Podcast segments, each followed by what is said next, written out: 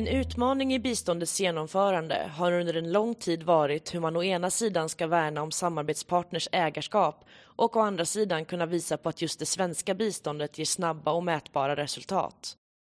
Vilka förändringar krävs för att uppnå balans mellan ägarskap och resultatkrav i framtidens bistånd?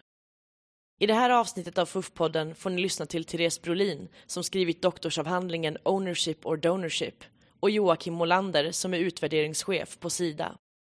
Samtalet spelades in den 24 oktober 2017 och om ni vill se filmen från seminariet så hittar ni den på vår Youtube-kanal, FUF Play. Tillsammans. Det tror jag är första gången det hände. Och det är ganska naturligt. Eh, därför att, att nu har FUF, nej, EBA har funnits i kanske fyra år sådär. Och ni börjar kanske liksom eh, få koll på eh, vad vi håller på med. Vårt mål är ju att vi ska Eh, fördjupa och sprida kunskap om biståndet och samla in uppgifter av olika slag. Och ni kanske har lagt märke till oss nu när vi har funnits ett tag. Eh, och jag kommer precis nu från eh, en och en halv dag med EBA där vi pratar om vår verksamhet, vår verksamhetsstrategi med en ny ordförande. Och, och, och jag tror vi känner oss liksom att vi har väldigt mycket viktigt att göra.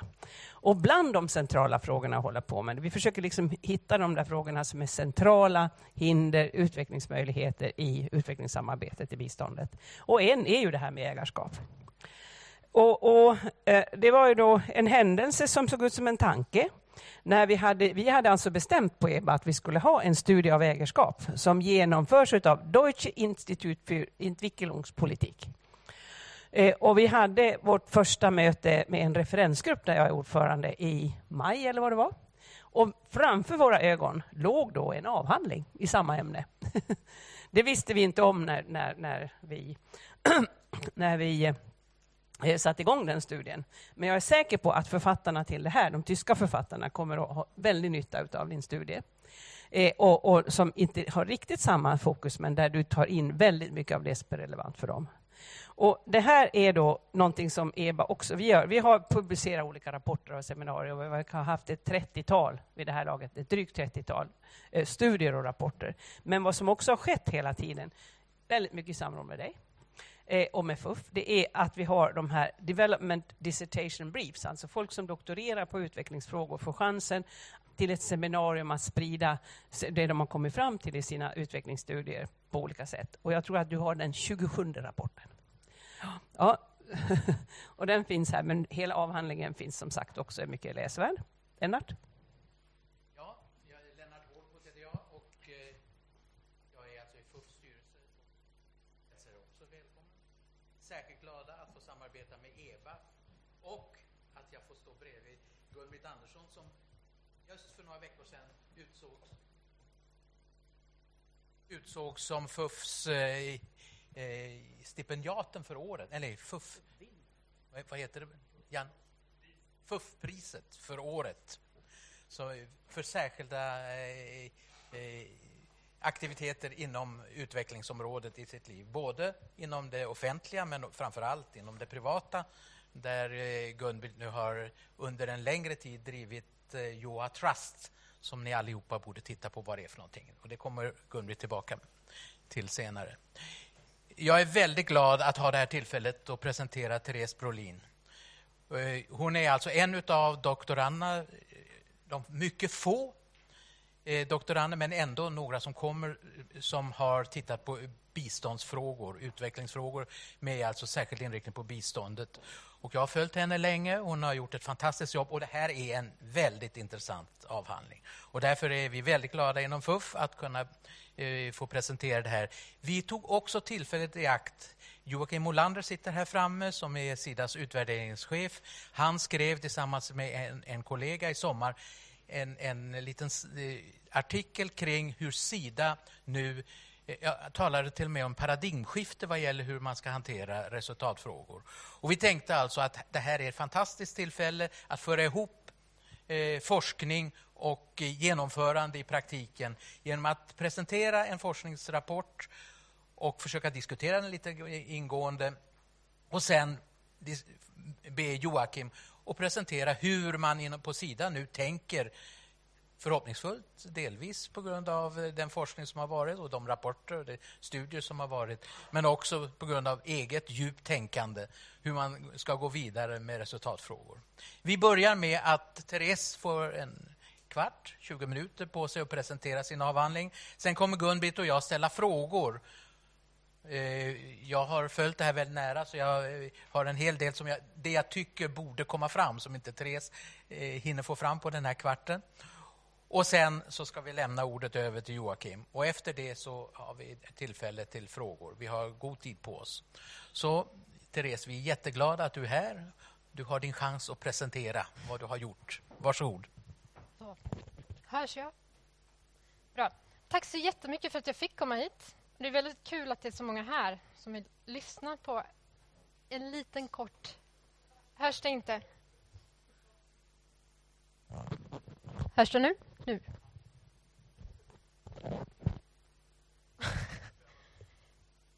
Sådär, kanske nu. Nej? Här kommer teknikexperten. Nej, men nu kanske hörs. Jag hör mig själv i alla fall. Nu! Bra.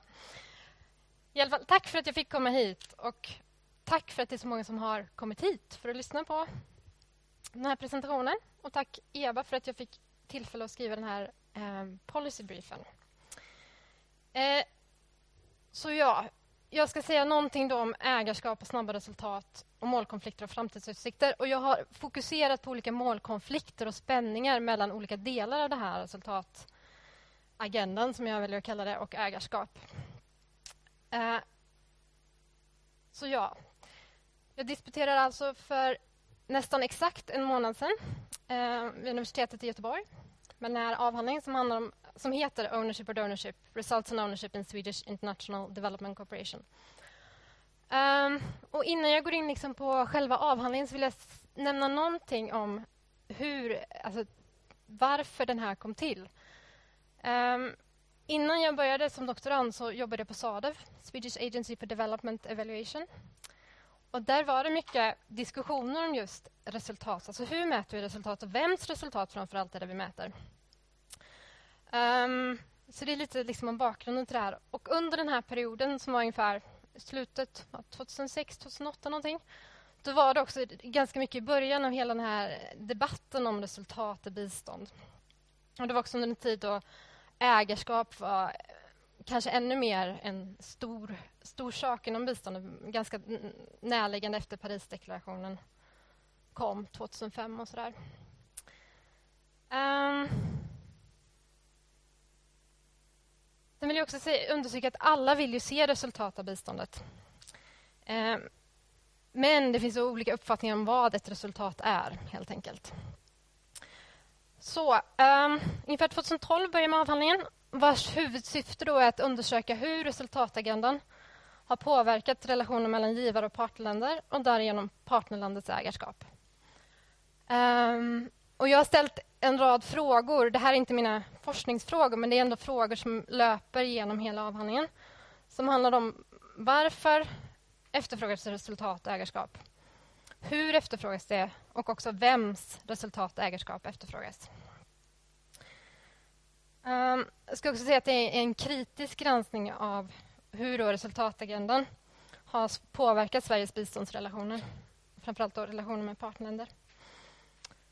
Um, ehm, jag ska säga också någonting om alltså spänningarna mellan just det här resultat och ägarskap. Att resultat är en väldigt, skulle jag säga, då, en givar, eh, donor-driven eh, agenda. Och att det då kan stå i, i clinch med just det här eh, tanken om att partnerlandet, vem det nu är som representerar partnerlandet, ska driva sin egen utveckling. Ehm, jag kommer bara nämna något kort om metod. Ni får gärna ställa frågor efteråt om ni har fler.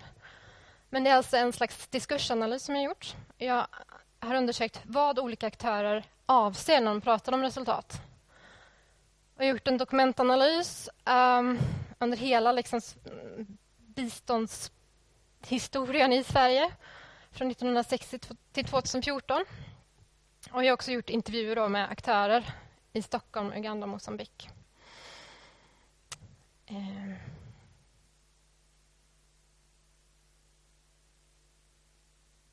Så resultat och ägarskap, det är alltså två av de här centrala begreppen som jag tittar på i avhandlingen. Um, och då behöver jag säga någonting om hur jag har definierat de här begreppen. Och ägarskap, alltså som ni säkert vet, just att det, är, det har varit och är fortfarande en central del i svenskt bistånd. Det har varit det sedan, sedan biståndet initierades på 60-talet. Um, ehm, och sen har det förstärkts genom internationella överenskommelser som Parisdeklarationen och Accra-agendan etc. Um, ehm, men jag definierar då som ägarskap som makt över, det vill säga mandat att genomföra någonting, men också makt att genomföra, vilket förknippas med ansvar. Vem är det som ansvarar för att resultaten, eller i det här fallet, uppnås? Uh, och den, när man kommer till resultat, som jag väljer att kalla resultatagendan. Resultat är inte heller något nytt inom bistånd. Uh, men jag skulle säga de senaste 20 åren kanske så har det fått ett ganska stort uppsving, speciellt efter eh, eh, millenniedeklarationen när väldigt mycket skulle mätas. Eh, och då... När, jag, eller när man pratar om resultat, ofta så te, ser man ju det här resultatkedjan som ni säkert känner igen. Nu har jag valt att kalla det på engelska för att det är de termerna som ofta används. Men just att resultat är prestationer eller outputs, outcomes, det vill säga effekter på kort eller medellång sikt eller impact, effekter på lång sikt. Och vad som har hänt den senaste tiden är att det, det har vad man hävdat är att, att resultat har rapporterats som antingen aktiviteter eller prestationer men om, nu vill man mer se outcome, man vill se effekter av, av biståndet. Um, jag ska säga också att det har funnits någon slags intention att rapportera impact-resultat, alltså effekter på lång sikt.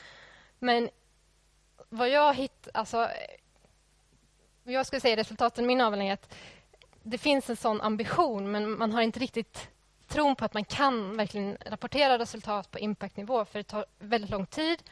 Det är väldigt svårt att härleda ett resultat um, under den tiden till en viss insats.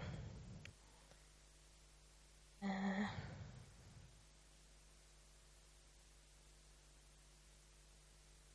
Uh, kommer jag lite mer till mina slutsatser eller iakttagelser då, som handlar om just motsättningar.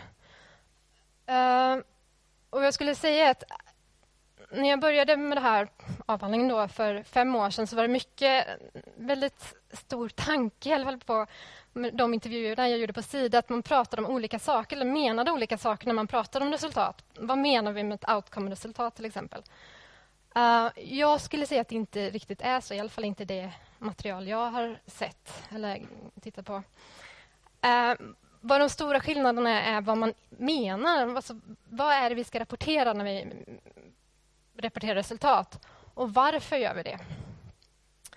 Um, vilket ju handlar om, gör vi det för att vi vill utkräva ansvar, accountability, eller vill vi lära från, från de biståndsinsatser vi har gjort för att förbättra biståndet, alltså öka biståndseffektiviteten på det sättet.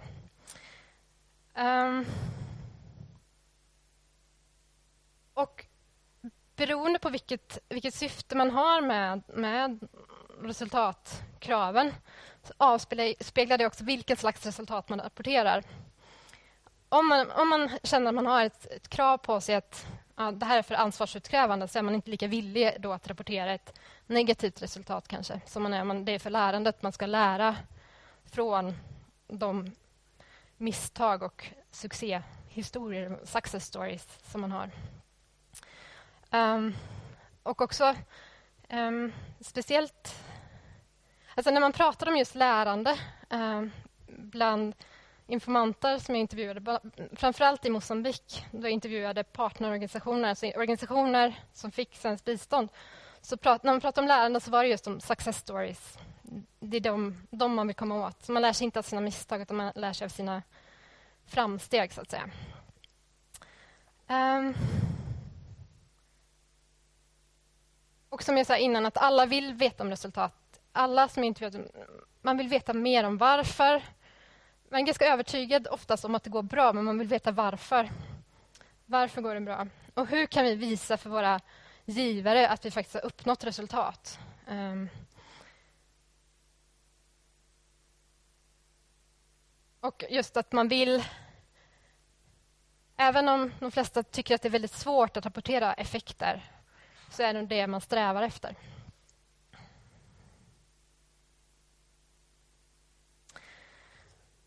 Sen då min andra fråga som jag ställde var hur man efterfrågar resultat. Och Det är just det här att det är outcome-nivå som man strävar efter. Man vill se effekterna. Men ofta hamnar man ändå på att rapportera på outputs, alltså eh, omedelbara prestationer.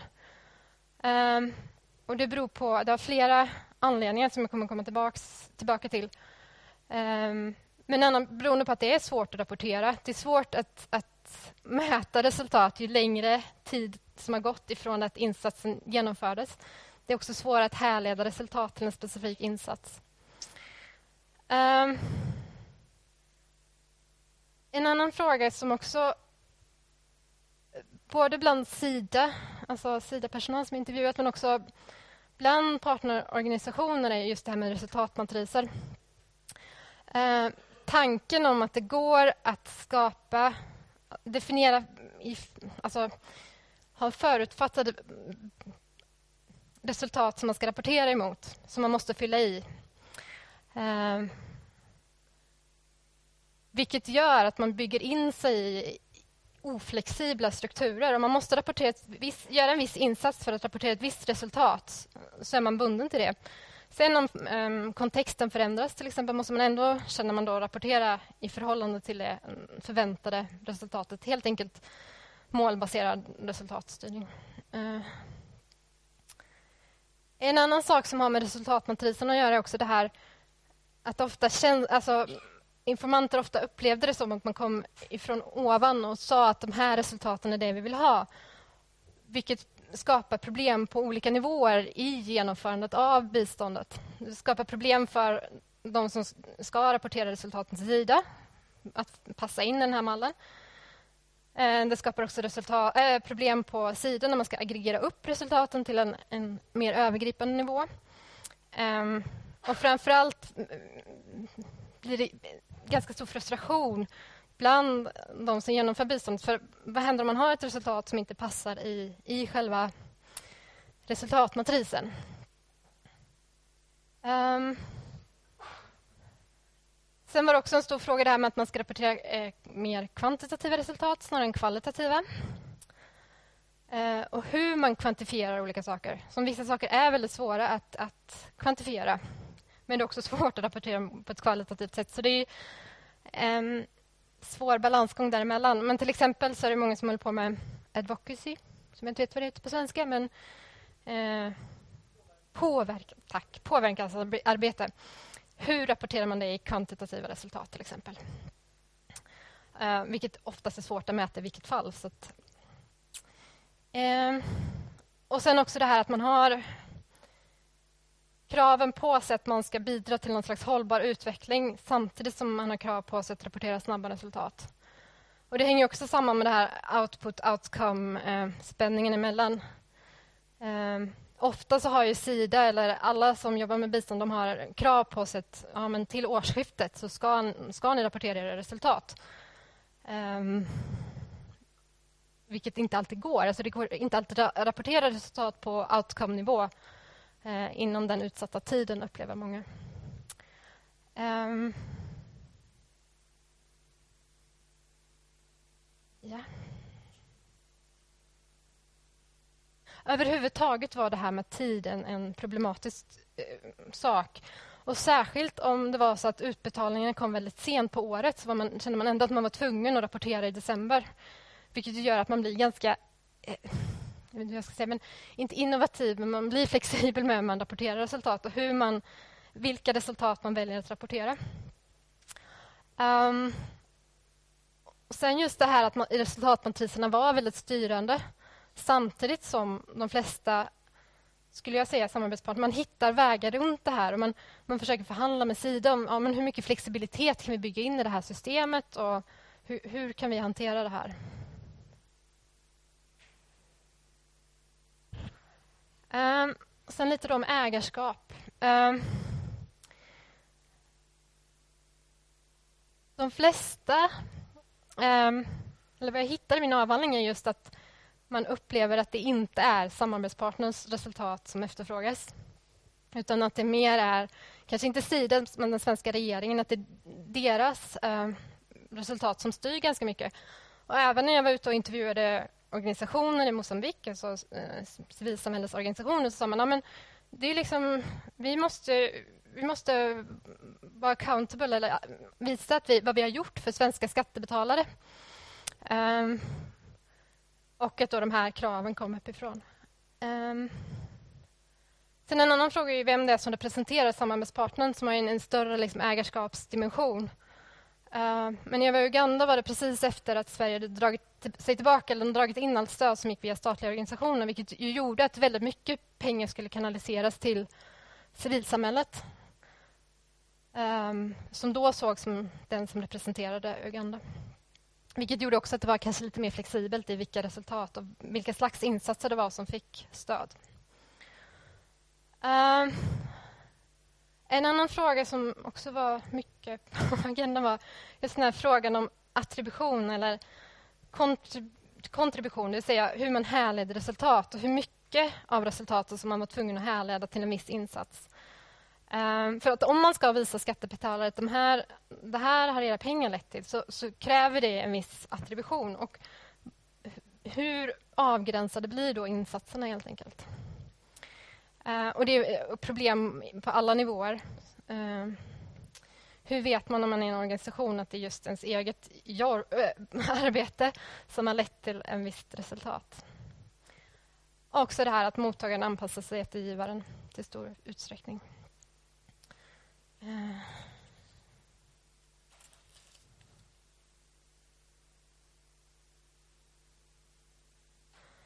Sen bara lite, lite sammanfattning. Det här är en bild från Sidas program för verksamhet på resultatutvärderingsområde från 1974. uh, eh, och just det här visar ganska tydligt... Alltså det är en bonde som får en vattenkanna från Sida, som, alltså en input som har en aktivitet, det vill säga han sår. Det här är hans skörd, då, förväntade skörd.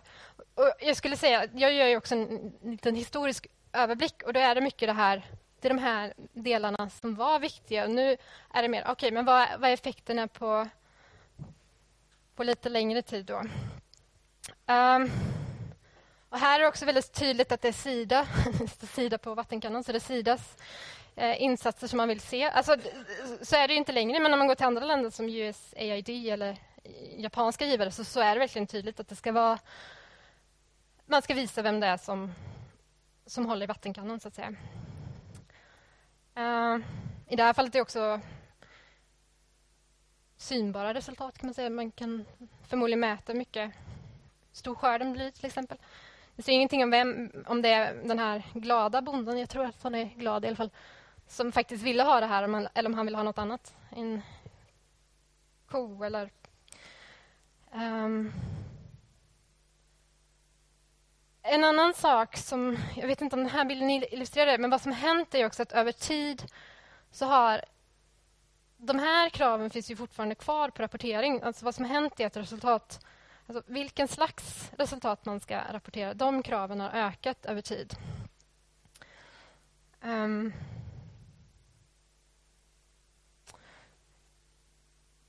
Jag glömde också säga innan att vad, vad, det här med kvantitativa och kvalitativa resultat, att vad, vad givarna, eller i det här fallet då Sida, efterfrågar enligt de partnerorganisationer som jag frågat efter är just synbara resultat. Man vill, man vill kunna visa vad det är för slags resultat som, som man har uppnått.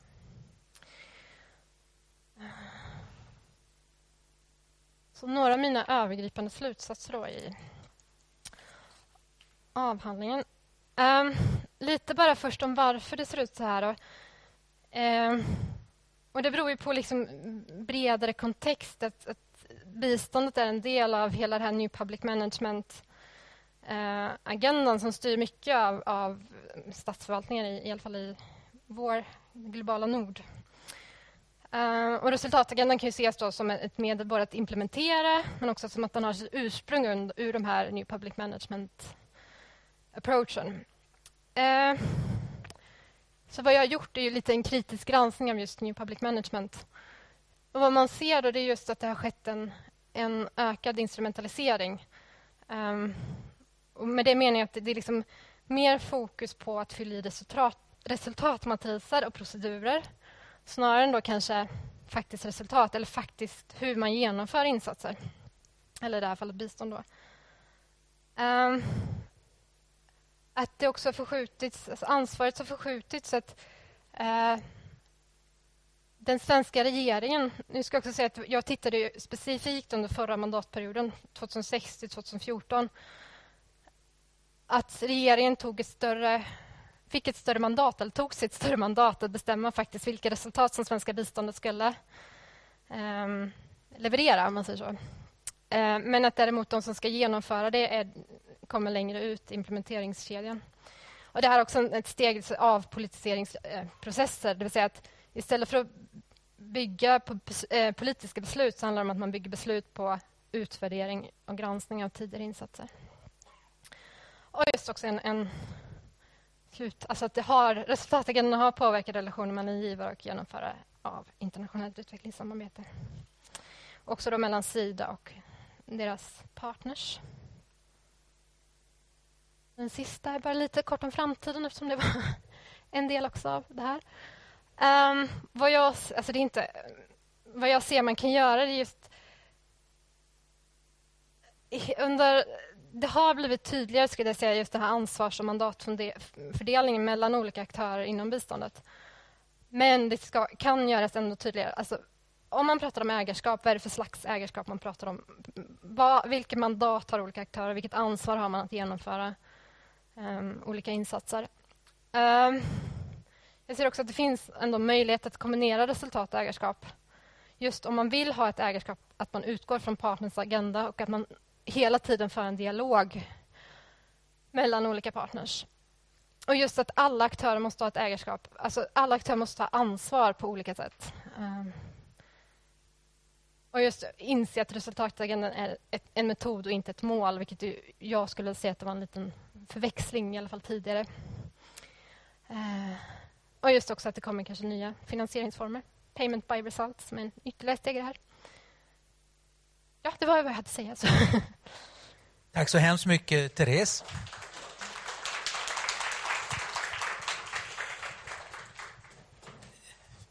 Det här var en väldigt kort presentation av en mycket stort arbete och det som är, kanske inte riktigt kommer fram då man gör en sån här presentation, det är just detaljerna. Alltså vad Therese har gjort, hon har intervjuat eh, väldigt många personer i Stockholm, i Uganda och Mosambik.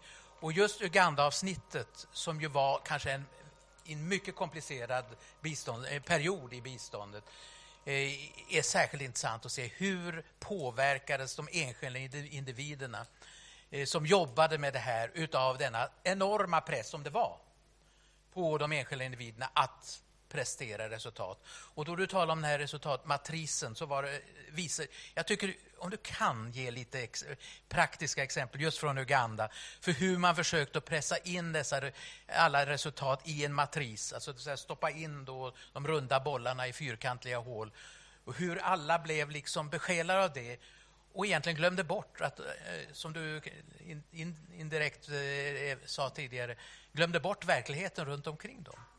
Kan du försöka att ge lite grann av det här mer empiriska arbetet som du har gjort? Ja, jag kan göra ett försök.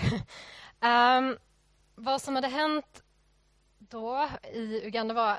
Jag intervjuade framförallt eh, organisationer från civilsamhället av just den anledningen att Sverige inte hade något bistånd till statliga institutioner förutom universitet och högskolor just då med Uganda. Uh, det var att man hade fått jag vet inte riktigt varifrån just nu, men man hade fått att man skulle göra en, en, man skulle rapportera vad man hade gjort i alla organisationer. Så man hade fått en matris tilldelat sig där man skulle fylla i vad har ni uppnått på de här olika områdena. Vilket ju var man inte kunde. Alltså det var väldigt svårt. Um, nu kommer jag inte på något bra ett exempel här. Men summan blev att man helt enkelt fick lämna ganska stora svart, alltså hål i de här matriserna. Vilket ju ställde till det för Sida sen som skulle eh, aggregera det här upp till en högre nivå. Jag vet inte riktigt om det var det du syftade på. um, sen kan jag säga en annan sak som hände. Eh, en ursprunglig idé som sen föll lite var att jag skulle intervjua, och det gjorde jag också i och för sig, organisationer som höll på med nu ska jag se så jag säger rätt, sexuell reproduktiv hälsa och rättigheter, SRHR-frågor. Uh, eh, för att se liksom, men, okay, men om ni får ökade krav på att rapportera resultat och att rapportera kvantitativa resultat, vad händer då med alltså, hälsobitarna i förhållande till rättighetsbiten eftersom hälsobitarna oftast ses som ganska alltså, lättare att rapportera resultaten ifrån? Eh, och då sa man ja, men vi, vi kör på de här hälsobitarna men vi gör de andra sakerna samtidigt. Men om vi inte får några resultat som vi kan rapportera så har vi i alla fall på de här hälsobiten, så att säga. Det kan ju till exempel vara säkra aborter kontra eh, information om att eh, rätten till sin egen kropp för kvinnor, till exempel. Vilket som är lättast att mäta. Mm. Alltså, eh, det här var ett bra exempel på, på, precis. Och det här är alltså, den här är alltså, han är full av den typen av exempel. Och det som slår ändå är just att att man arbetade, eftersom man då inte hade en regering att relatera till, så de indikatorer som man då skapade, det vill säga som matrisen bestod av, byggde inte på att man hade kontroll. Det fanns ju, Uganda hade ju, jag menar, de hade ganska väl planering och de, gentemot Världsbanken och andra så hade man ju då indik, eh, indikatorer för vad man skulle göra inom hälsosektorn, inom undervisningssektorn. Men de, enligt eh, de intervjuer du gjorde, de eh, hade man inte tittat på. Utan man var tvungen, eftersom när man skapade sina egna indikatorer. Och Det gjorde alltså att det blev så otroligt svårt att, att, att få in det här i de här boxarna. Men det som slog mig, och, och som kanske inte, ändå inte du riktigt får fram här, det är ju att hur alla som jobbade med det här blev så att säga indoktrinerade av det här och, och koncentrerades på det här. Och då du ställde frågor kring ja, hur relaterar sig det till verkligheten runt omkring så sa de att det är inte vad vi håller på med. Vi håller på med, med, med att fylla i de här boxarna. Och det framkommer väldigt tydligt i det kapitlet. Så jag rekommenderar, om ni ska läsa någonting i den här avhandlingen, läsa Uganda-kapitlet, för det är väldigt tydligt. Ja, Mosambik hade en annan, och det är väldigt intressant. Du har inte sagt ett ord om, om det. det är, nämligen, du försökte också med, med budgetstödet och se alltså, om man kunde se samma relation här mellan ägandeskap och resultat vad gäller budgetstödet. Och det, där har du skrivit en särskild artikel också mm. som har blivit publicerad. Kan du berätta lite grann om det också? Alltså, nu ska vi säga att budgetstödet till Mosambik, Mosambik får ju inte någon budgetstöd längre, så det var inte jätte... Även om jag var där 2015, ser jag rätt nu, och gjorde mina intervjuer och det var... Alltså, Mozambique var då ett av två länder som budget, fick budgetstöd av Sverige. Och Sverige firade så 40 år av mm, gott samarbete med Mozambique. Så det kändes på ytan var det väldigt bra relation mellan Mosambik och Sverige men man förstod att det inte var så var fallet på grund av korruptionsskandaler. I alla fall så hade de, de intervjuade fått väldigt tydliga signaler från, från Sida, från ja, den svenska regeringen att man, man vill, vi vill veta resultat på outcome-nivå. Vi, vi är liksom intresserade av effekterna på längre nivå. Um, men samtidigt så ville då upplevde i alla fall informanten att man ville ha resultat på alla, alltså som aktiviteter, som output, som outcomes. Och det, alltså, det är också någon slags mix mellan att okay, men vad, vilka, vilka krav måste vi ställa för att ge budgetstöd? Och vilka, vilka, vad är resultatkraven? Och Det kändes också som att informanterna de jag pratade med hade kanske lite... De två sakerna liksom gick ihop med varandra, skulle jag säga. Um, ja.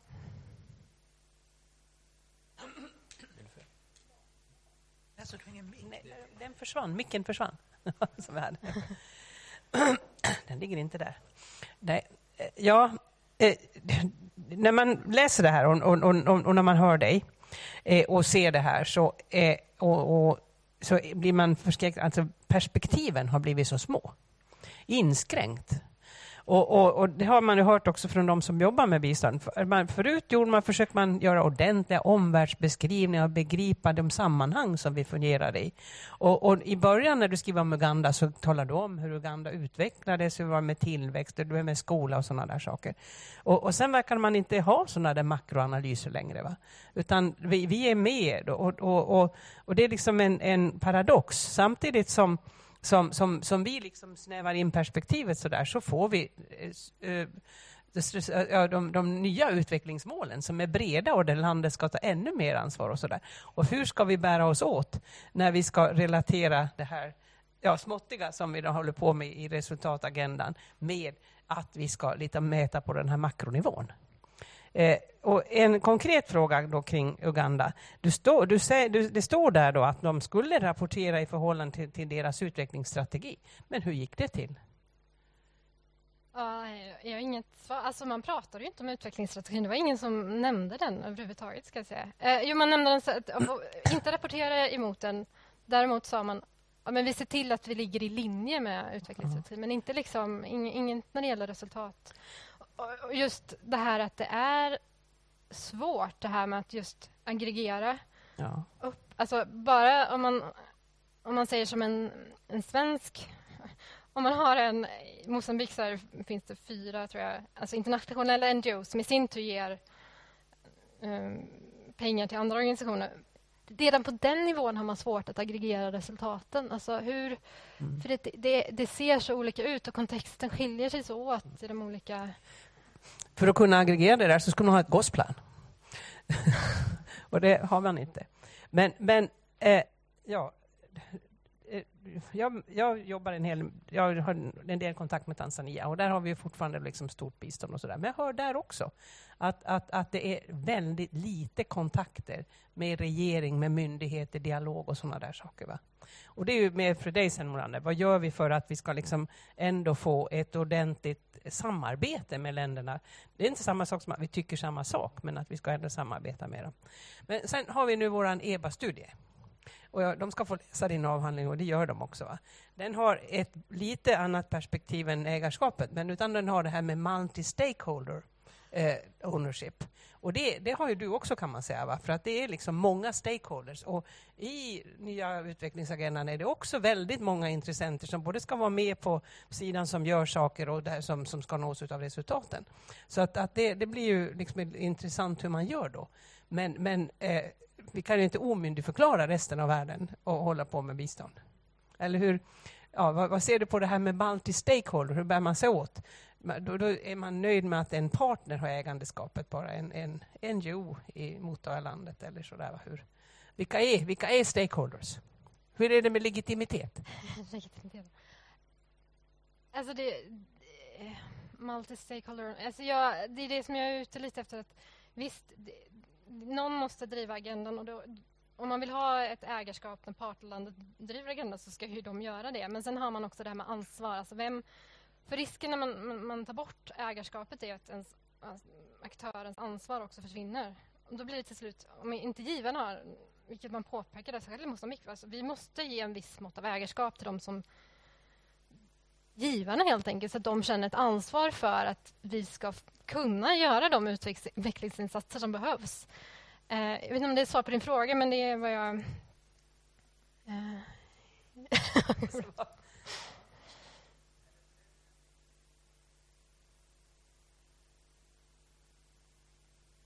Ja. Um, precis. Nej, tyvärr. Nej, men eh, alltså... Um, det har ju liksom det här också att eh, nu har det svängt lite mer. vem, vem, tidigare var det mycket partnerlandet, alltså det var partnerlandets ägarskap. Och då menade man regeringen i, i partnerlandet.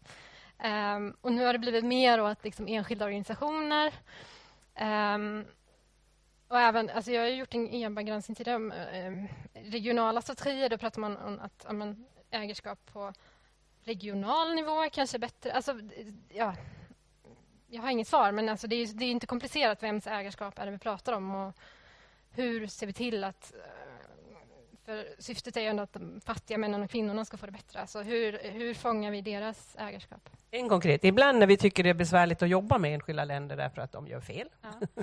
så då, då överlåter vi på FN-organisationer att göra det för att de har en mer direkt kontakt. Hur, hur har det sett ut i de länder som du nu har tittat på? Blir det mer ägarskap av de insatserna i någon sorts i någon sorts samhällsperspektiv där? Det har jag inte tittat på. Um, så jag vet inte om jag kan säga någonting om det faktiskt. Tyvärr. Um, jag tänker liksom rent...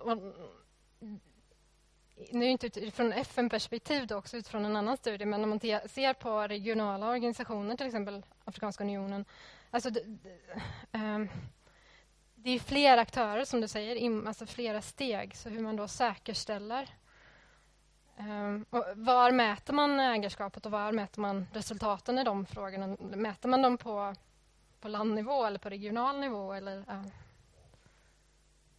mm.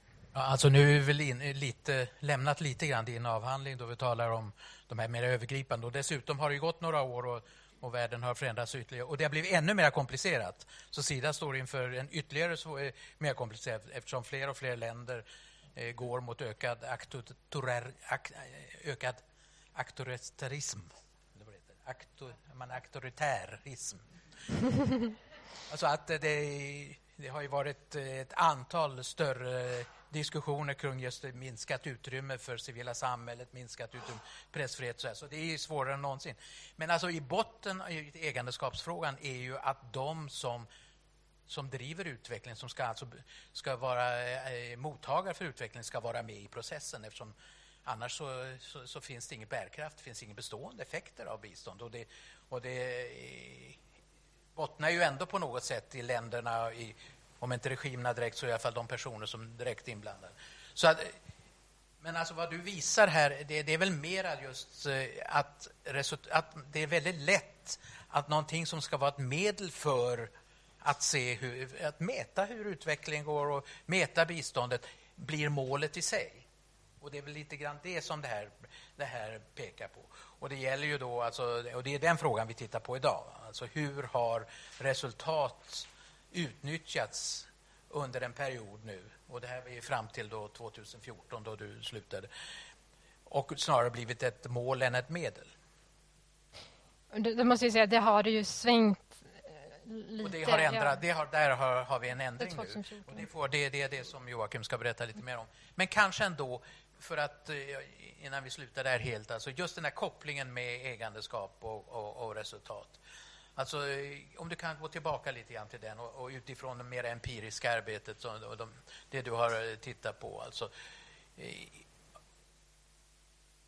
en av dina slutsatser var att, att det, visst, ja, det finns den här kopplingen, men alltså hur allvarligt har den här perioden varit? Som, där man alltså har låtit sig så starkt styras av en resultatagenda. Alltså det är både och. Alltså resultatagendan har ju varit väldigt styrande. Att det har varit resultaten som har styrt och jag skulle säga att även om det har, det har påverkat vilka slags insatser organisationen väljer att göra. Samtidigt ska jag inte säga att alltså, det finns ganska stort alltså, agency, alltså man har ganska stor makt att kunna påverka samtidigt ur de här organisationerna. Man, man hittar, som jag sa innan, alltså vägar runt, um, runt detta. Um, jag kan inte säga hur stor utsträckning det har påverkat annat inte har påverkat. Eh, och vad som just det här också, att det är, det är så många olika steg involverade i, i, i biståndet. I en insats så är det, det är väldigt många organisationer och aktörer som är inblandade in, innan det faktiskt händer någonting liksom bland fattiga män och kvinnor. På varje nivå ska det rapporteras resultat. Och bara det här att det går åt så otroligt mycket tid och energi och resurser att rapportera resultat snarare då än att genomföra faktiska biståndsinsatser. Eh, bara det är väl en, alltså, har påverkat väldigt mycket. Och det, det finns ju fortfarande kvar, så det, det tror jag inte har förändrats. Um. Och det är den, ja. Eh, det har faktiskt gjort en EBA-studie på Uganda, utvärderat biståndet till Uganda, till Tanzania och Uganda. De är två olika metoder. Och Uganda fastnade för det här och studerade hur biståndsgivaren hade jobbat, alltså hur relationerna var in, inom, in, inom biståndsgivaren. Och, och, och, där försvann mottagarlandet. Och, och hur har, vad har hänt med liksom de som arbetar med biståndet när det gäller nyfikenheten, kunskapen om de länder och de sammanhang och de kontexter man är i, om man jobbar så här liksom snävt med, med saker med ett visst projekt. Va? Jag ska säga en sak. Jag har just läst eh, Björn Motanders bok om, om eh, Barotseland. Och jag var Zambia-handläggare på 60-talet. Och jag skäms. För då händer det väldigt mycket där som jag inte visste någonting om, men som han har grävt sig in i där. Och det liksom visar att man behöver kunna så mycket mer om de här länderna om man ska vara relevant. Och, och vad har, eh, vad har eh, resultatagendan gjort när det gäller kunskap om länderna? Ja, alltså... Där har det ju skett en förändring. Att det, just, alltså att det, blivit, det är mer de tekniska, ekonomiska aspekterna som har spelat en större roll. Um, och jag har faktiskt inte kollat upp det här, men den generella uppfattningen bland de jag intervjuade på Sida var just att det har skett en större, ett större fokus på control, alltså en controllers funktion liksom, i biståndet. Att det är det som är viktigt snarare än att liksom ha det här expertsynen eh, på bistånd. Okej, okay. Du får komma tillbaka sen eh, då det blir frågor från publiken. Nu ska vi släppa fram Joakim. Eh, och bara innan det så säger det, det här är ju den andra avhandlingen i år som, som han, han behandlar resultat och biståndet och tittar på det historiskt. Och det vill jag säga, det är en väldigt bra kort sammanfattande historik över biståndet eh, sett ifrån utvärdering och resultat eh, som, som eh, Therese har gjort, som är väl värt att titta på. Det kommer, vi kommer tillbaka från FUF och kanske tillsammans med EBA om ytterligare en avhandling som kommer läggas om en, en månad som handlar om eh, hur public eh, management slår igenom eh, i, i, i biståndet. Eh, eh private eh, Public Partnership i, på hälsosektorn i Tanzania som är väldigt intressant. Men det kommer vi tillbaka till. Nu ska vi ge Joakim chansen och berätta hur det är nu och hur ni har tagit till er all den kunskap och erfarenhet som Therese bland annat har tagit fram. Ja, jag tänkte kanske att jag ändå jag ska börja och säga någonting där om hur, eh, hur jag också har upplevt resultatagendan. För det första, jag började med bistånd för 15 år sedan och kom då från svensk utbildningssektor. Och jag tycker nog redan då att biståndet, även innan den borgerliga regeringen, präglades väldigt mycket av kvantifiering och eh, försök att sätta mål på kvantitativ nivå. Och så så att, eh, det har alltid funnits i biståndet, tror jag. Sen blev det ännu starkare under en tid.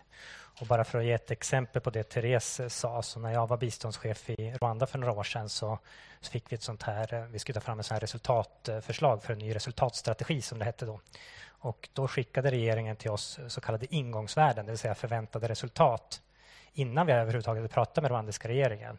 Och sen fick jag den eh, delikata uppgiften att gå fram till finansministern och berätta det här är våra förväntade resultat i Rwanda. Tycker ni också att det är bra resultat? Och det, det var inte så trevligt. Eh, de blev inte så glada faktiskt. Eh, och sen hade de en hel månad på sig att kommentera det här och vi skulle då ta fram ett helt resultatförslag. Så det präglar ju relationerna väldigt mycket. Men sen var det också en modell som var mycket så, det jag vill prata om nu egentligen, att om man tänker sig en modell eh, där man just utgår från att här har vi ett antal förväntade resultat där egentligen Sida då fick till uppgift att välja den bästa tänkbara leverantören av resultaten. Eh, det behövde inte vara partnerlandet. Ganska ofta kunde det vara någon som var effektivare, kunde man tänka sig. Så det handlar inte om kapacitetsutveckling och sådana saker, utan mer hur levererar vi på det mest kostnadseffektiva effektiva sättet det här resultatet? Det var den agendan som, som präglade oss väldigt mycket. Och, eh, och det, det satte ju förstås sina spår i relationer. Och det är ju ändå, om man ser just New Public Management och hela den agendan, det är mycket den säga, det paradigmet eller den tankevärlden som finns där. Att man å ena sidan tänker sig då att man kan definiera ett antal eh, tänkta resultat och att det finns en att det finns en idé om eh, medicinen för att nå de här resultaten, vårt works-agendan och allt det här. Och sen är det liksom bara att leverera, leverera de rätta aktiviteterna för att nå resultatet. Det är det som ligger bakom här någonstans. Att, att man tänker sig att vi vet hur vi ska komma till målet och sen ska någon så effektivt som möjligt ta oss dit. Det som vi tänker nu, och det var ju Rebecka Kitzing-Ivarsson och jag som skrev den där artikeln och vi har varit vapendragare i många år, så vi har tänkt på de här frågorna länge. Eh, eh och får ju många inspel nu från forskare och annat också. Men, men jag tror vi ganska länge haft insikten att det alternativa paradigmet det är att man inte riktigt vet resultatet från början utan man har någon slags mål eller ett problem som man vill lösa. Man eh, tänker sig att man hittar någon som är villig att ta sig an det här problemet och försöka lösa det och formulera mål kring ja, ungefär det här vill vi uppnå. Sen sätter man igång en resa och försöker då nå det här, de här målen. Eh, vad då utvärdering och uppföljning kan spela för roll i det sammanhanget är inte att avräkna liksom, har vi levererat det här, de här aktiviteterna, har vi uppnått de här delmålen eller milestones som det heter, utan det kan hjälpa, det var ett analytiskt verktyg som hjälper oss att ständigt analysera, är vi på rätt väg? Gör vi rätt saker? Leder det till det vi trodde det ledde? Eh, så en slags utforskande resa där vi använder då uppföljning och utvärdering som instrument för att se om vi är på väg åt rätt håll och vad vi kan lära oss av det om vi gör rätt saker överhuvudtaget. Så ni kan ju se där de två olika paradigmen. Det ena där man egentligen redan vet, har bestämt sig vad det givna resultatet är. Man tror sig veta vad medicinen är. Det andra, vi har ett problem som vi vill lösa och vi använder av uppföljning och utvärdering för att utforska vår resa mot den här problemlösningen. Och det var det som jag och Rebecka ganska mycket försökte illustrera i den här artikeln i somras. Att, att vi tror ju att utvecklingsproblem är så komplexa och svåra att man måste jobba i det här andra paradigmet. Man, man kanske inte ens vet vare sig vad resultatet är från början och dessutom, just som Therese sa, resultat på vilken nivå, det är ett ganska komplext begrepp. Så det är den ena sidan av saken, att vi kanske inte ens vet vad resultatet är, vart vi ska komma någonstans. Eh, och Det andra är då att vi definitivt inte vet vad medicinen är, för den är ofta kontextuell. Hur vi löser ett problem i, en viss, i ett visst land och ett visst eh, årtionde och så vidare. Det är någonting som... Ja, det finns ingen medicin som fungerar överallt samtidigt. Det är för komplext för det. Och Då kommer rollen för uppföljning och utvärdering att bli helt annorlunda i de här, utifrån vilket synsätt man har. Så det vi, vi tänker oss då i framtiden här det är just om vi kan jobba mer på det här eh, adaptiva sättet, det här problemlösande sättet. Då präglar det också hur vi ser på våra eh, uppföljnings och utvärderingsmetoder och hur vi eh, ska rigga de processerna. Och som sagt, jag tycker då kanske vi går, vi går från något som kallas för results-based management och new public management till kanske learning-based management. Hur får vi in ett kontinuerligt lärande i våra processer och vilken typ av verktyg ska vi då använda oss av för att få till det här kontinuerliga lärandet och den här kontinuerliga anpassningen av det vi gör. Och där finns det ju då nu eh, ett tillfälle, eftersom den här agendan inte är lika stark just nu, att, att utforska också metoder och förhållningssätt för att kunna bli bättre på det här andra sättet att jobba. Och eh, något som jag själv tror ganska mycket på, som är, kommer mer och mer just nu, det är eh, något som på engelska kallar man det ongoing evaluation eller real time evaluation. Eh, jag såg att Evert Vedung som utvärderingsforskare har på svenska kallat för inflätad utvärdering. Och det är att man alltså flätar in utvärdering i utvecklingsinsatsen själv. Att man hela tiden har en utvärderare som följer insatsen och försöker titta på de olika typerna av resultat som uppstår föra tillbaka den informationen till de som genomför insatsen för en ständig reflektion, en pågående reflektion. Så det är ett, det är ett helt annat sätt än just att ha kvantitativa indikatorer som du mäter då och då för att se om du är på rätt väg. För att ha kvantitativa indikatorer som du är på rätt väg, då måste du som sagt ju veta både svaret och metoden från, från början.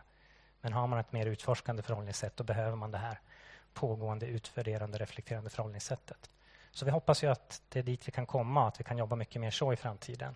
Eh, så det är väl det förhållningssätt vi ser framför oss. I alla fall på metodsidan nu på, eh, på Sida.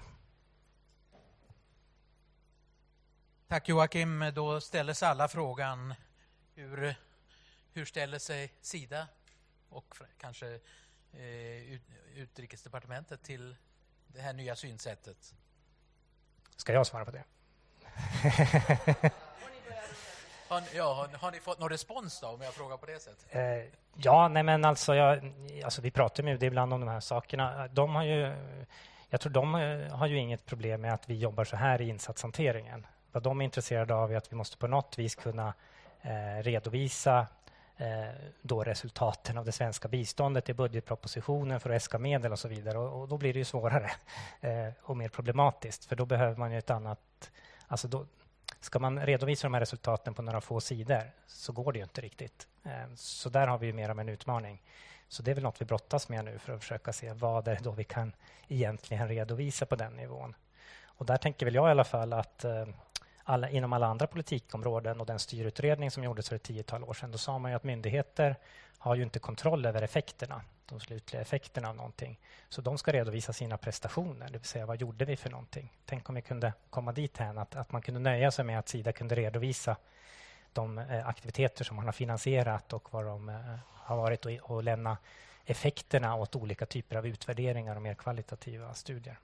Men rent konkret, alltså, ni har börjat arbeta, tänka och arbeta på det här sättet och eh. börjar att utbilda folk runt om och tänka på det sättet? Ja, men absolut, alltså just som, som jag sa, på metodsidan så har vi tänkt så här ganska länge egentligen. Eh, sen gäller det att få ut det i hela verksamheten. Vi är en väldigt stor verksamhet i många länder och eh, sen är det våra partners också.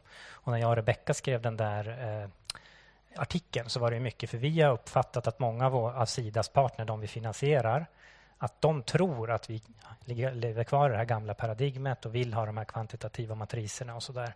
Eh, så vi vill ju försöka sända ett budskap att nej, vi tänker annorlunda idag och vi är öppna för helt andra varianter av resultatstyrning. Så, så vi är där. Therese, vill du kommentera Joakim? Jag är bara lite nyfiken, för något av det sista eller som, som framkom väldigt tydligt då min sista intervju var just det här payment by results. Att mm. Det skulle vara det nya, det var stort i England.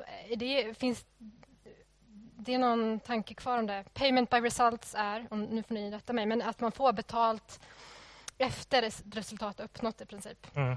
Ja, precis. Så att man först genomför man ett projekt och sen får man betalt när resultaten finns på plats. Precis.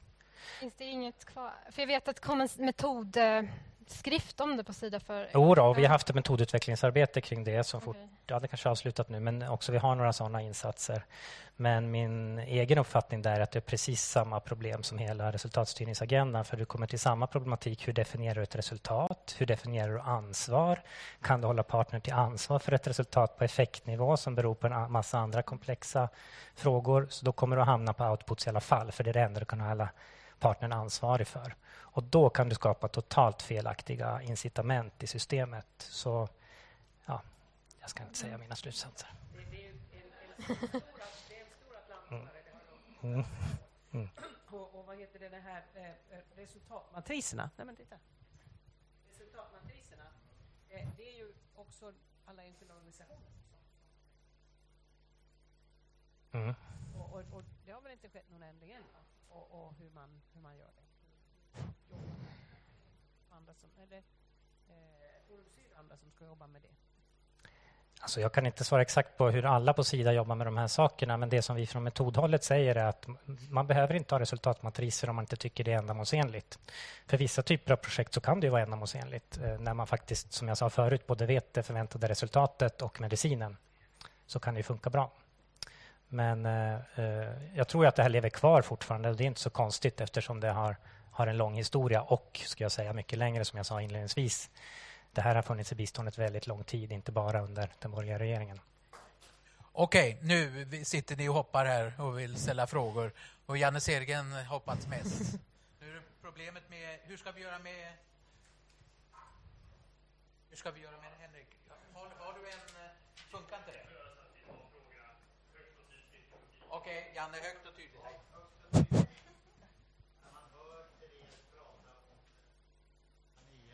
Uganda och Mosambik så, så får man ett intryck av att det är ungefär som företagsvärldens kvartalsrapporter mm. överfört till biståndsområdet. Eh, och det är korta puckar, det är snabba puckar och det är eh, runda, fyrkantiga krossar i runda hål.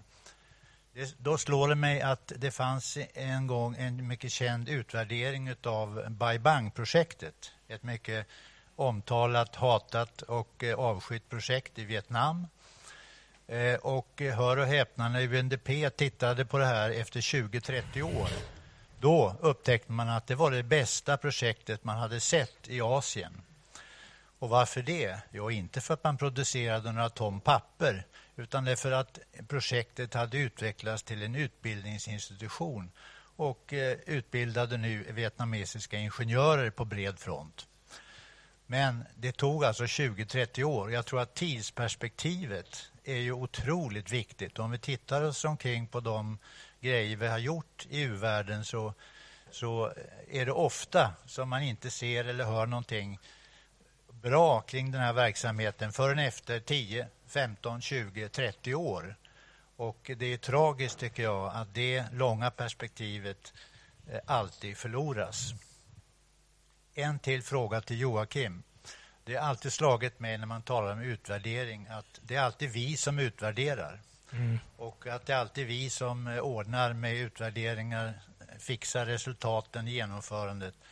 Jag skulle tycka att det vore väldigt viktigt att få in mycket mer av u-länderna i den här utvärderingsverksamheten så att de får en chans att lära sig och själva utveckla sin egen utvärdering när vi nu talar om ägarskap. Vilka som begärde ordet? Du Ja, ja. Jag såg. Hej, eh, Johanna Malm heter jag. Eh, jobbar på Riksrevisionen med eh, utvärderingen på, eller ja, med granskningen på biståndsområdet. Jättespännande presentation. Jag har ju också forskarbakgrund så det här är ju eh, saker som jag också har funderat på. Jag tänkte eh, framförallt till Therese eh, för ägarskap, eh, jag funderar, du har säkert mycket mer eh, begreppsliga liksom, funderingar omkring ägarskap, vad det är. Det förblev lite ouppackat så att säga här.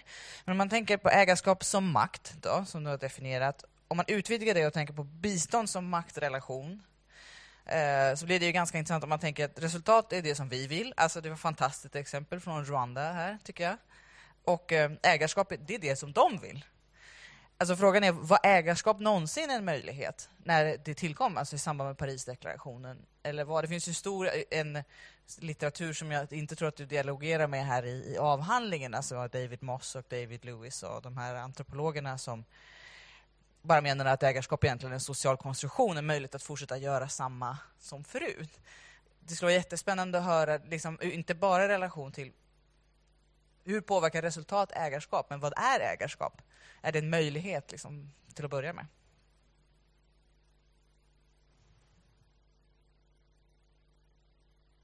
En fråga till Joakim. Eh, det fanns eh, förut, eh, särskilt på jordbruks och skogssidan när jag jobbade på Sida, någonting som hette monitoringgrupper. Alltså som var en specialistgrupp bestående ofta av någon lokal och någon svensk som då varje år gjorde en resa och undersökte hur det var och kom fram med resultat och gjorde just den här årliga check så att säga.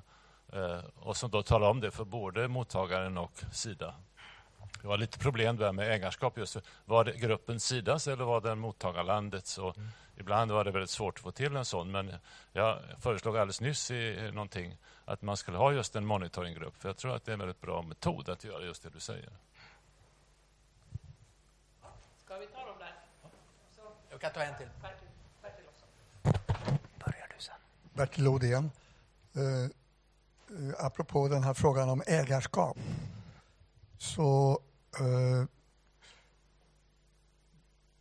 det är i och för sig riktigt att eh, mottagaren i det här samarbetet då vill ha det som du säger. Men samtidigt så erfarenheterna när entusiasmen kring det här var som störst och, och Parisdeklarationen var färsk och sådana saker eh, på mottagarsidan blev så småningom att de processer som, eh, som eh, då kräv, där, där ägarskapet innebar att man diskuterade på, inte bara policies utan också politiken innebar att eh, mottagarna kände att eh, biståndsgivarna kom allt för nära och kom allt för långt in i deras egna processer. Och det ville de inte ha. Så att entusiasmen för det här med ägarskap på båda sidor har har alltså minskat kraftigt eh, efter det att man har genomfört det. Tack. Okej, det var både kommentarer och, och frågor. Jag får säga, Therese, du får börja. Ja, eh, Jaha, du ja. um, som bara en, en liten reflektion på Jan, Jan Siregens kommentar med det här med att det tar tid och lång tid att se ett resultat och resultatet kan till och med vara negativt i början är ett problem, men det är också ett problem det här med att ett icke-resultat eller ett dåligt resultat kan också vara ett positivt resultat. Det kanske hade blivit ännu värre om inte insatsen hade, hade genomförts. Och Det var också ett, alltså det är ett problem när man pratar om resultat. Um, och sen angående Johanna Malms kommentarer uh, eh, om ägarskap Alltså, det här ägarskapsbegreppet är ju väldigt svårt. Och det, när jag skriver om det i min avhandling, alltså, man har, alltså, alla har olika definitioner på vad man menar med ägarskap. Och just det här problematiken, hur ger man någon ägarskap? Går det att ge någon ägarskap? Eller är det något man har eller är det något man tar? Alltså, så hela det här... Och vems ägarskap? Ja, men precis. Mm. Um, är väldigt svåra begrepp. Och det kanske... Och det kommer ju också fram till min avhandling att det, det, ser man inte som... Alltså, om, om resultatagendan var en sak, men okej, okay, vi har det gemensamma vokabuläret men vi har inte de gemensamma syftena med varför vi inför eh, en resultatagenda så var det precis tvärtom skulle jag säga med ägarskap. Där hade man jättemånga olika begrepp men man trodde att man var ganska överens om det här är vad vi menar med ägarskap. Som jag inte tror att man är, men, men det var den eh, bilden jag fick i alla fall mm. med dem jag intervjuade. Att det var partländernas då, eller partners agendor som drev utvecklingen. Mm. Jag kan säga något om ägarskap där. Som sagt, eh, den här studien som jag bara håller på med just nu blir jätteintressant där man grottar ner sig verkligen i begreppet ägarskap. Och kom Komplexiteten är enorm helt enkelt för att eh, det, vad är ett partnerland i det här fallet? Jag menar, är det en maktelit eller vem, vem är det en eh, folkets ägarskap eller vem är det? Det finns så många dimensioner av det här och det är mycket det som också dagens diskussion handlar om som, som du eh, sa Lennart med krympande demokratiskt utrymme och makteliter som Eh, kidnappar utvecklingsagendan eller kanske inte ens vill ha en utvecklingsagenda men eh, eh, sitter på makten och inte vill ha en sån... Jag menar, det ägarskapet vill vi inte stödja. Så det finns ju, den här är jättekomplicerat. Ehm, men de frågor jag fick då, eh, Janne där frågar just att bygga kapacitet för utvärdering. Och nu pratar du precis till rätt person Janne, för jag är nämligen ordförande i en task team i eh, utvärderingsnätverket i OECD DAC som handlar precis om det. Hur ska vi kunna eh, jobba mer med att bygga kapacitet för utvärdering i partnerländerna. Och Det tycker jag också kopplar väldigt starkt till det som just med ägarskap och demokratisk utveckling. För utvärdering är ju också i, i sig själv en del av en good governance-agenda. Så det finns ju alla skäl i världen att försöka bygga den kapaciteten i våra partnerländer och låta dem själva stå för det här. Och när jag pratade då om insatser tidigare och eh, det är möjligt jag eh, vet inte hur jag exakt uttryckte mig. Mycket möjligt att jag föll in i det där att det var vi som riggade insatsers utvärdering och uppföljning. Men vad jag tänker det är ju partnern som ska ansvara för de här inflätade utvärderingarna. Det, det är de som ska lära och utveckla insatserna medan de pågår. Sida sitter ju där på något kontor någonstans och inte särskilt närvarande och har ingen möjlighet att Eh, jag menar, vi är 400 handläggare på 4 000 insatser så att det finns ju liksom ingen chans att man kan vara så nära en insats att man kan vara med där och lära och förstå och utveckla insatsen. Och det är inte vår roll heller. Så det här med pågående utvärdering, lärande utvärdering, att försöka hela tiden eh, använda sig av den typen av information för att förbättra insatserna. Det ska ligga på partnern, absolut, tycker jag. Och där, eh, det var det som du sa, Claes, också. Eh, de här monitoringgrupperna man hade, jag kommer ihåg det också. Eh, det ska jag säga var en tidig variant av det här som man kan kalla för inflätad utvärdering. Just att det är mer kvalitativ uppföljning med någon som kommer och ja, ger sina intryck av hur en insats går och försöker föra tillbaka det till projektägarna och därmed föda reflektion. Och jag minns också det att det var ju där ägarskapsproblematiken där vissa partners uppfattade som att det var Sidas monitoringgrupp som kom och övervaka. Eh, och jag tror ibland var det så. Det, det, jag, jag rattade själv några sådana insatser i Bosnien då det blev den dynamiken. Och Det var svårt att få dem att känna att den här granskaren som de upplevde det kom dit för att hjälpa dem att göra insatsen bättre. Så det tror jag är en utmaning i den här agendan, att verkligen få att det ska vara partner som äger utvärderingsverksamheten eller det här lärsystemet. Mm. Man kan säga att både Tanzania och Mosambik hade ju under budgetstödets tid det var eh, sådana här independent monitoring groups som utsågs av givarna och eh, eh, mottagarland tillsammans och där i båda fallen de leddes av, eh, av tanzanska forskare och, och utredare. Mm.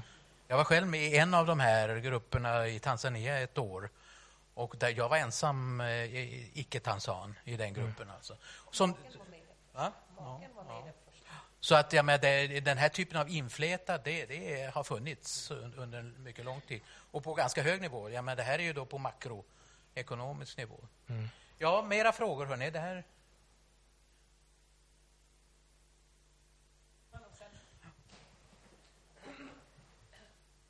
Tack. Johan Schar heter jag. Eh, intressant att höra lite replikväxlingen mellan er här. Det tycks råda viss osäkerhet om vad, vad gäller nu egentligen.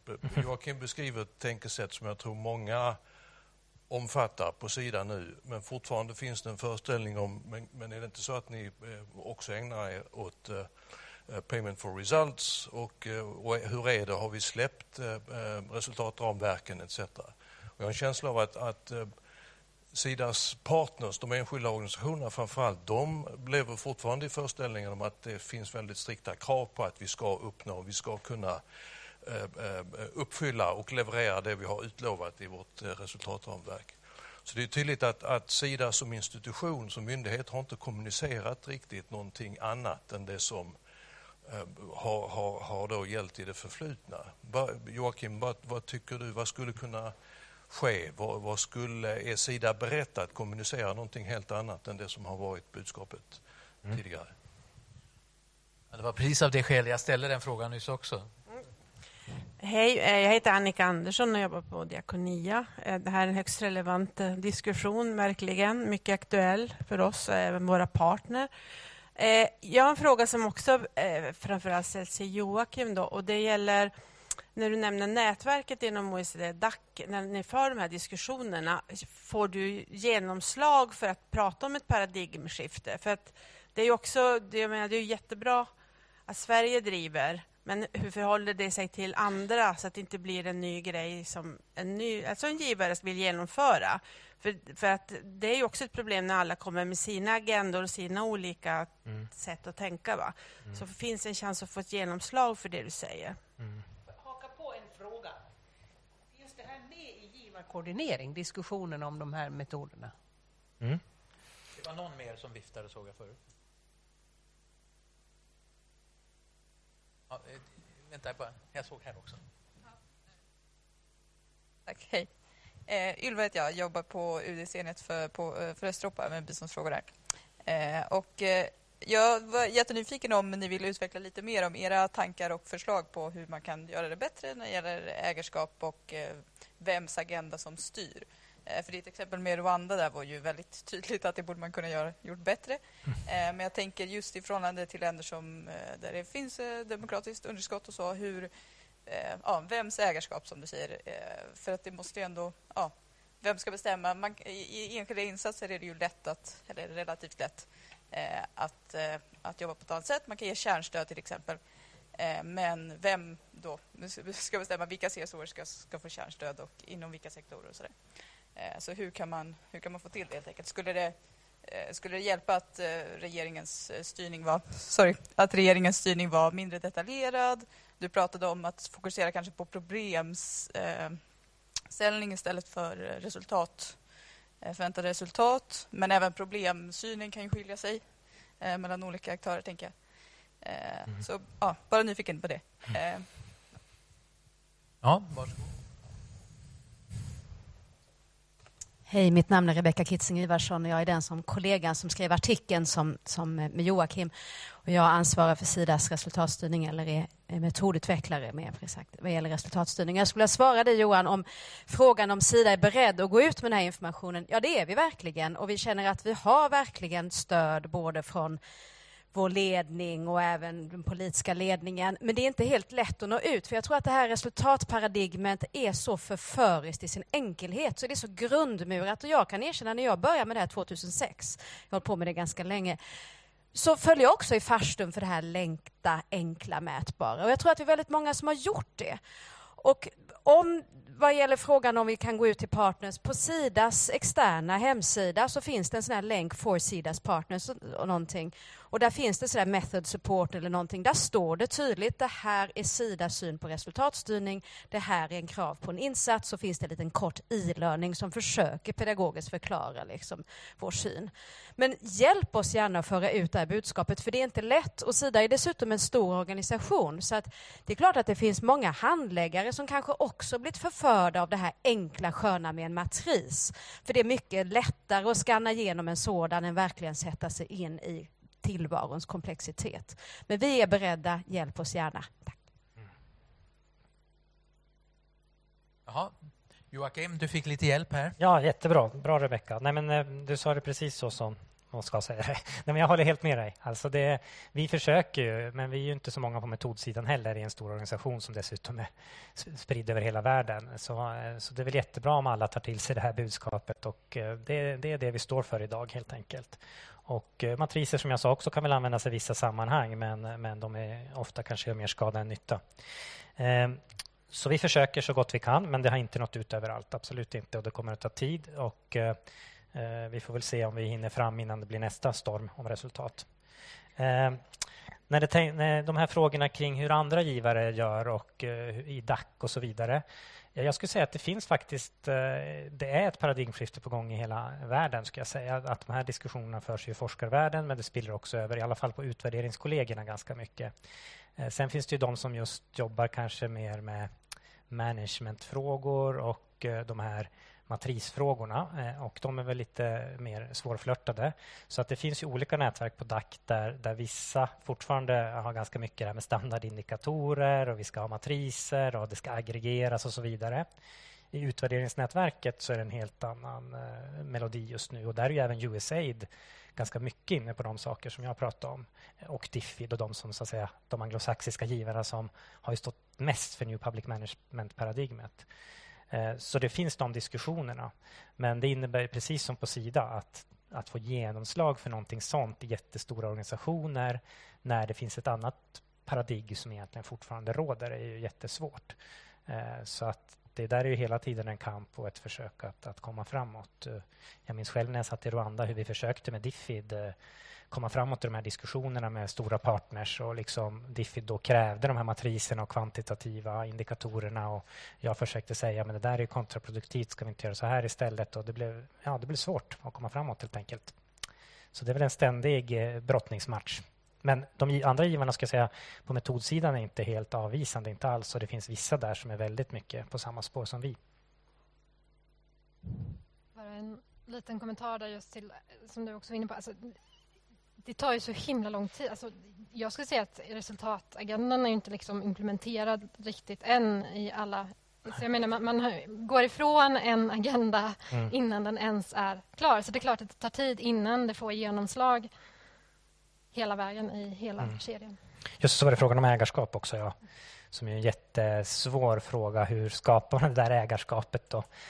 Eh, ja, men jag tror ju väldigt mycket på det att eh, och det, är egentligen, ja, men det här att man måste låta då de som är på plats i länderna vara de som försöker hitta vägarna framåt. Just det att formulera snarare problem kanske som det här är problem som vi vill att ni ska lösa. Eh, lita på att de som är på plats kan göra den här typen av analyser och kanske stödja flera ägarskap samtidigt. För det är väl det som faktiskt eh, är det som är fallet, precis som i Sverige. Jag menar, vad är ägarskapet för en viss agenda här? Ja, det beror på politisk inriktning och värderingar och allt möjligt. Och precis samma är i våra partnerländer. Så man får stödja olika aktörer och även, deras, även då kanske eh, plattformar för att de ska kunna diskutera vägen framåt. Och då, måste, då kan man inte fjärrstyra från Sverige. utan måste, Det är därför vi har fältkontor och fältpersonal. Ja, jag ser att det inte så många händer uppe längre, utan vi börjar...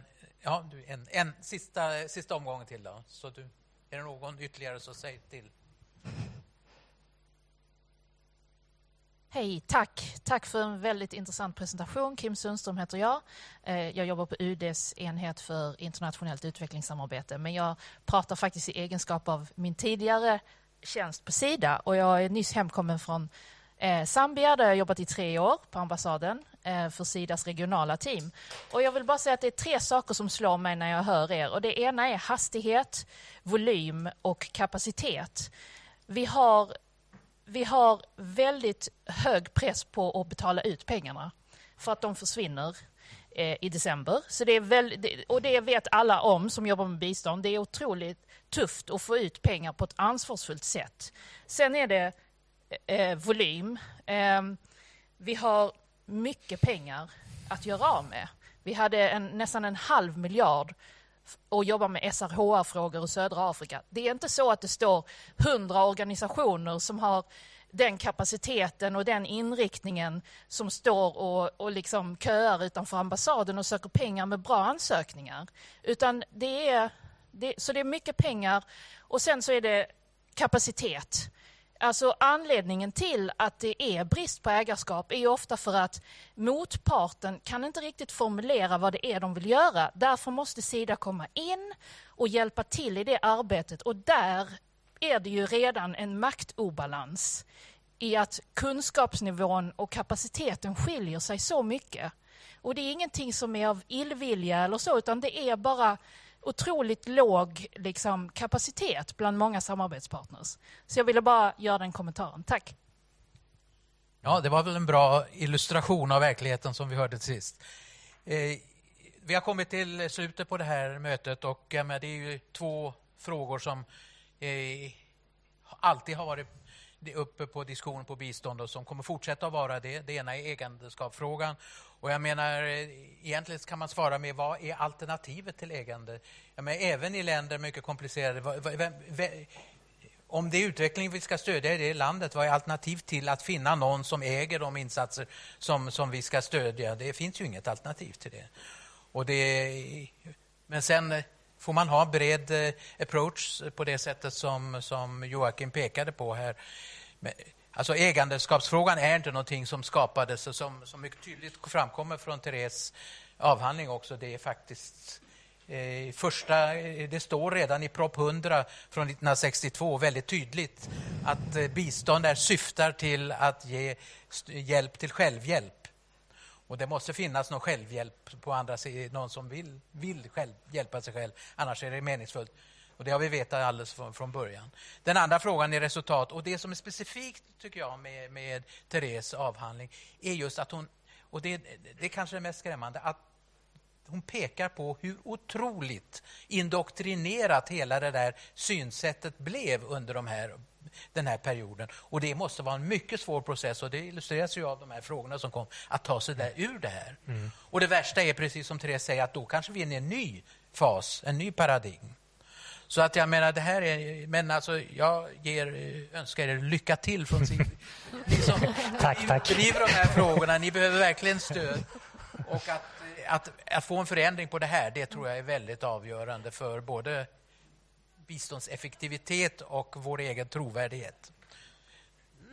Ja, tack så jättemycket. Då är vi inne i ett nytt paradigm som vi inte hinner genomföra.